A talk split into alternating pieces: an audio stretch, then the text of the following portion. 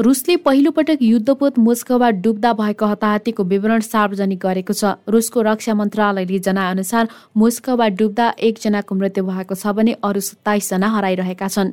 रक्षा मन्त्रालयले तीन सय छ्यानब्बे जनाको उद्धार गरिएको समेत बताएको छ। यद्यपि रुसी दावीको स्वतन्त्र पुष्टि भने हुन नसकेको बिबिसीले जनाएको छ।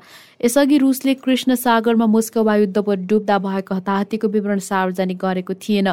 रुसले उक्त युद्धपोत आगलागीका कारण कारण डुबेको बताउँदै आएको छ भने युक्रेनी पक्षले उक्त युद्धपोतमा नेप्चुन क्षेप्यास्त्रबाट आक्रमण गरिएको दावी गर्दै आएका छन्। गत फेब्रुअरी चौबिस यता युक्रेन विरुद्ध जारी रुसी आक्रमणका क्रममा मोस्कोवा डुबेको घटनालाई निकै महत्वका साथ हेरिएको छ।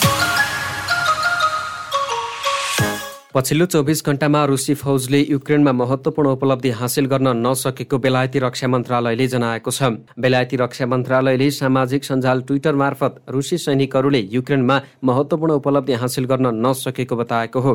बढ्दो गतिविधिका बावजुद पछिल्लो चौबिस घण्टामा तीव्र युक्रेनी प्रत्याक्रमणका कारण रुसी फौजले कुनै ठूलो उपलब्धि हासिल गर्न सकेका छैनन्। बेलायतको सैनिक जासुसी निकायको ब्रिफिङलाई उद्धृत गर्दै बिबिसीले जनाएको छ। उक्त ब्रिफिङमा युक्रेनी हवाई एवं समुद्री रक्षाको प्रभावकारिताका कारण रुसी नौसेना र वायुसेनाले सम्बन्धित क्षेत्रमा नियन्त्रण जमाउन नसकेको उल्लेख छ र मारियुपल सहर कब्जा गर्ने उनीहरूको भनाइका बावजुद युक्रेनी प्रयासलाई हताश पार्ने भीषण लडाइँहरू भइरहेका छन्। अफगानिस्तानमा भएको पछिल्लो बम विस्फोटमा तेत्तिसजनाको मृत्यु भएको छ। अफगानिस्तानको उत्तरमा रहेको कुन्दुज सहर नजिक मस्जिदलाई लक्षित गरी गराइएको बम आक्रमणमा तेत्तिसजनाको मृत्यु भएको हो। आक्रमणमा अरू दर्जनौ घाइते भएका छन्। कुन्दुजको इमाम साहिब इलाकामा बम विस्फोट हुँदा बालबालिका सहित तेत्तिस नागरिक मारिएका छन्। अफगानिस्तानको शासन चलाइरहेको तालिबान सरकारका प्रवक्ता जबी उल्लाह मुजाहिदले ट्विटर मार्फत जानकारी दिएका हुन्। हामी यस्तो अपराधको निन्दा गर्छौँ र पीडितप्रति संवेदना व्यक्त गर्छौँ। मुजाहिदलाई उद्धित गर्दै कतारी टेलिभिजन अल जजिराको अनलाइन संस्करणले जनाएको छ। आक्रमणको जिम्मा हालसम्म कुनै समूहले लिएको छैन। यद्यपि गत वर्ष अगस्त महिनामा तालिबानले सत्ता कब्जा गरे यता आतंककारी संगठन इस्लामिक स्टेटले यस्ता आक्रमणको जिम्मा लिँदै आएको छ। आक्रमणमा प्रयोग भएको विस्फोटक पदार्थ र यसको उद्देश्यबारे अनुसन्धान भइरहेको कुन्दुज प्रहरीले जनाएको छ। पछिल्ला केही दिनहरू यता अफगानिस्तानका विभिन्न स्थानहरूमा बम आक्रमण हुँदै आएको छ। कुन्दुजमा गराइएको पछिल्लो आक्रमणलाई गत वर्ष अगस्त महिनामा तालिबानले सत्ता कब्जा गरे यता गराइएका घातक आक्रमणको रूपमा लिइएको छ। कम्बोडियाका तीन वर्षभन्दा माथिको कुल जनसङ्ख्याको त्रियानब्बे प्रतिशतले कोरोना भाइरस विरुद्धको कम्तीमा एउटा खोप लगाएका छन्। तीन वर्षभन्दा कम उमेरका बालबालिकालाई भने अहिलेसम्म खोप नलगाइएको सरकारी अधिकारीहरूले जानकारी दिएका हुन्। स्वास्थ्य मन्त्रालयका प्रवक्ताले शनिबार दिएको जानकारी अनुसार नागरिकलाई लगाइएको खोप मध्ये सबैभन्दा धेरै चिनिया खोप रहेको छ। दक्षिण पूर्वी एसियाली मुलुक कम्बोडियामा सन् दुई हजार एक्काइसको फेब्रुअरीदेखि कोरोना भाइरस विरुद्धको खोप लगाउने अभियान सुरु भएको थियो। झण्डै चौध महिनाको अवधिमा कम्बोडियामा आयात गरिएको खोप मध्ये सबैभन्दा धेरै चीनबाट आयात गरिएको छ।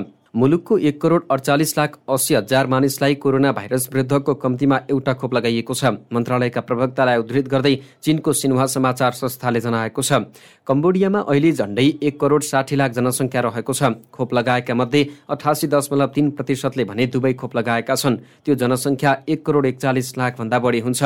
त्यसै गरी बयासी लाख मानिस अर्थात् एकाउन्न प्रतिशतले बुस्टर डोज खोप लगाएका छन् भने तेह्र लाख अर्थात् आठ प्रतिशतले चौथो डोज लगाएका छन्।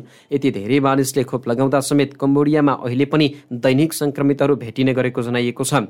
सरकारी अधिकारीहरूले दिएको जानकारी अनुसार पछिल्लो एक दिनमा अठाइसजनामा नयाँ संक्रमण देखिएको छ। मृतकको संख्या भने शून्य रहेको छ। कम्बोडियामा अहिलेसम्म कुल एक लाख छत्तिस जना कोरोना भाइरसबाट संक्रमित भएका छन् भने तीन हजार छप्पन्न जनाको मृत्यु भएको छ।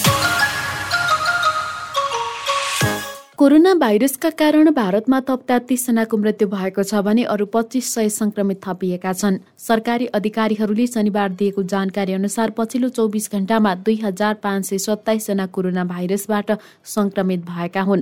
संघीय स्वास्थ्य मन्त्रालयले दैनिक संक्रमित र मृतकहरूको संख्या पछिल्लो दिनमा बढ्दै गइरहेको जनाएको छ।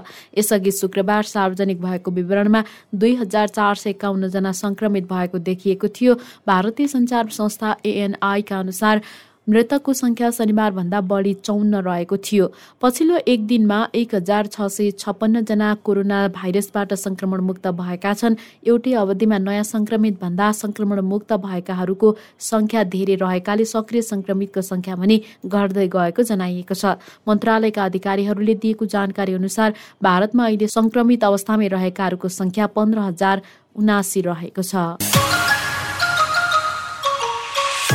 रुस पूर्वी तथा दक्षिणी युक्रेनलाई कब्जा गर्ने लक्ष्यमा रहेको एकजना वरिष्ठ रुसी कमान्डरले बताएका छन्। मेजर जनरल रुस्तम मेन्निकाएभलाई उद्धृत गर्दै सरकारी समाचार संस्थाले जनाए अनुसार रुसको लक्ष्य पूर्वी युक्रेनको डोनभास क्षेत्रका साथै दक्षिणी युक्रेन पनि कब्जा गर्नु हो। डोनभास क्षेत्र कब्जामा लिएको खण्डमा क्राइमिया रुस भूमिकासँग जोडिने भएकाले यसलाई निकै रणनीतिक महत्वका साथ हेरिन्छ। त्यसबाहेक रुसको केन्द्रीय सैनिक जिल्लाका उपकमान्डर समेत रहेका मिन्नेकाएभले दक्षिणी युक्रेनलाई कब्जा गरेको खण्डमा मालदोभाका रुसी पृथकतावादीहरूलाई पनि भौगोलिक रूपमा जोडिने बताए। युक्रेनको छिमेकी मुलुक मालदोभामा डिनिस्तर नदी पारी बस्ने रुसी पृथकतावादीहरूले आफ्नै ट्रान्सनिस्ट्रिया नामक राज्य चलाउँछन्। यद्यपि यो राज्यको अन्तर्राष्ट्रिय मान्यता अत्यन्त सीमित रहेको बताइन्छ। दक्षिणी युक्रेनलाई नियन्त्रण गर्नु ट्रान्सनिस्ट्रियासम्म पुग्ने अर्को बाटो हो। त्यहाँ रुसी भाषीमाथि दमन भइरहेको छ भन्ने पनि सत्य हो उनलाई उद्धृत गर्दै बिबिसीले जनाएको छ। यसअघि रुसी राष्ट्रपति भ्लादिमिर पुटिनले पनि युक्रेनमाथि आक्रमण गर्नु अघि डोनभास क्षेत्रमा रुसी भाषीमाथि दमन भइरहेको यस्तै दावी गरेका थिए। यता युक्रेनी रक्षा मन्त्रालयले भने उनको टिप्पणीलाई रुसी साम्राज्यवादको संज्ञा दिएको छ। संयुक्त राष्ट्रसङ्घका महासचिव एन्टोनियो गुटरेसले युद्ध अन्त्यको पहलका लागि रुस र युक्रेनको भ्रमण गर्ने भएका छन्। उनी पहिला यही अप्रेल छब्बिसमा रुस जाने र अठाइसमा युक्रेन जाने तय भएको संयुक्त राष्ट्रसङ्घको समाचार संस्था युएन न्युजले जनाएको छ। उनले दुवै देशमा त्यहाँका विदेश मन्त्री तथा राष्ट्रपतिसँग भेटवार्ता गर्ने बताइएको छ। रुसमा गएका बेला उनले राष्ट्रपति भ्लादिमिर पुटिन र विदेश मन्त्री सर्गे ल्याब्रोभसँग भेटेर युक्रेनमाथिको आक्रमण रोक्न आग्रह गर्नेछन्। त्यसपछि उनी युक्रेन पुगेर त्यहाँका उच्च अधिकारीहरूसँग भेटवार्ता गर्नेछन्। युक्रेन भ्रमणका लागि पनि महासचिवले तयारी गर्नुभएको छ। सहायक प्रवक्ता एरी कानेकोले भने युक्रेनमाथि रुसको आक्रमण जारी रहेका बेला राष्ट्रसङ्घका महासचिवको भ्रमणलाई निकै चासोका साथ हेरिएको छ। दक्षिणी बोस्नियामा पाँच दशमलव सात म्याग्निच्युडको भूकम्प गएको छ। भूकम्पको धक्का बाल्कनसम्म अनुभव गरिएको अमेरिकी भूगर्भ सर्वेक्षणले जनाएको छ। भूकम्पको केन्द्रबिन्दु लुबिन्जी सहरबाट चौध किलोमिटर उत्तर पूर्वमा रहेको उक्त सर्वेक्षणले जनाएको छ। भूकम्पले पुर्याएको क्षतिको विवरण सार्वजनिक भएको छैन। समाचार संस्था एएफीका अनुसार भूकम्पको धक्का भूकम्पको केन्द्रबिन्दुबाट चार सय किलोमिटर टाढा बेलग्रेड जाग्रेब र स्कुब्जेसम्म महसुस गरिएको थियो। भूकम्पको धक्का अल्बानिया र दक्षिणी इटालीमा पनि महसुस भएको थियो। र युक्रेनमा जारी रुसी आक्रमणका कारण उन्तिस लाख युक्रेनी देश छाडेर छिमेकी मुलुक पोल्यान्ड पुगेका छन्। पोल्यान्डको सीमा रक्षा बललाई उद्धित गर्दै पोल्स्की रेडियोले चौबिस फेब्रुअरी यता जारी रुसी हमलाका कारण हालसम्म उन्तिस लाख युक्रेनी पोल्यान्डमा पुगेको जनाएको हो। यद्यपि पछिल्ला दिनमा भने सीमा पार गरेर पोल्यान्ड पार गर्नेको संख्या भने वात्तै झरेको छ भने पोल्यान्डबाट युक्रेन फर्किनेको संख्या बढेको जनाइएको छ। शुक्रबार पोल्यान्डबाट करिब चौबिस हजार युक्रेनी स्वदेश फर्किएका थिए भने सत्र हजार सात सय युक्रेनीले पोल्यान्डमा शरण लिएका छन्। युद्ध भएपछि पोल्यान्डबाट आठ लाख पच्चिस हजार युक्रेनी युक्रेन पसेका छन्। शरणार्थी सङ्कटले उच्च स्वरूप लिएका बेला छ मार्चमा एक लाख बयालिस हजार तिन सय युक्रेनी पोल्यान्ड भागेका थिए।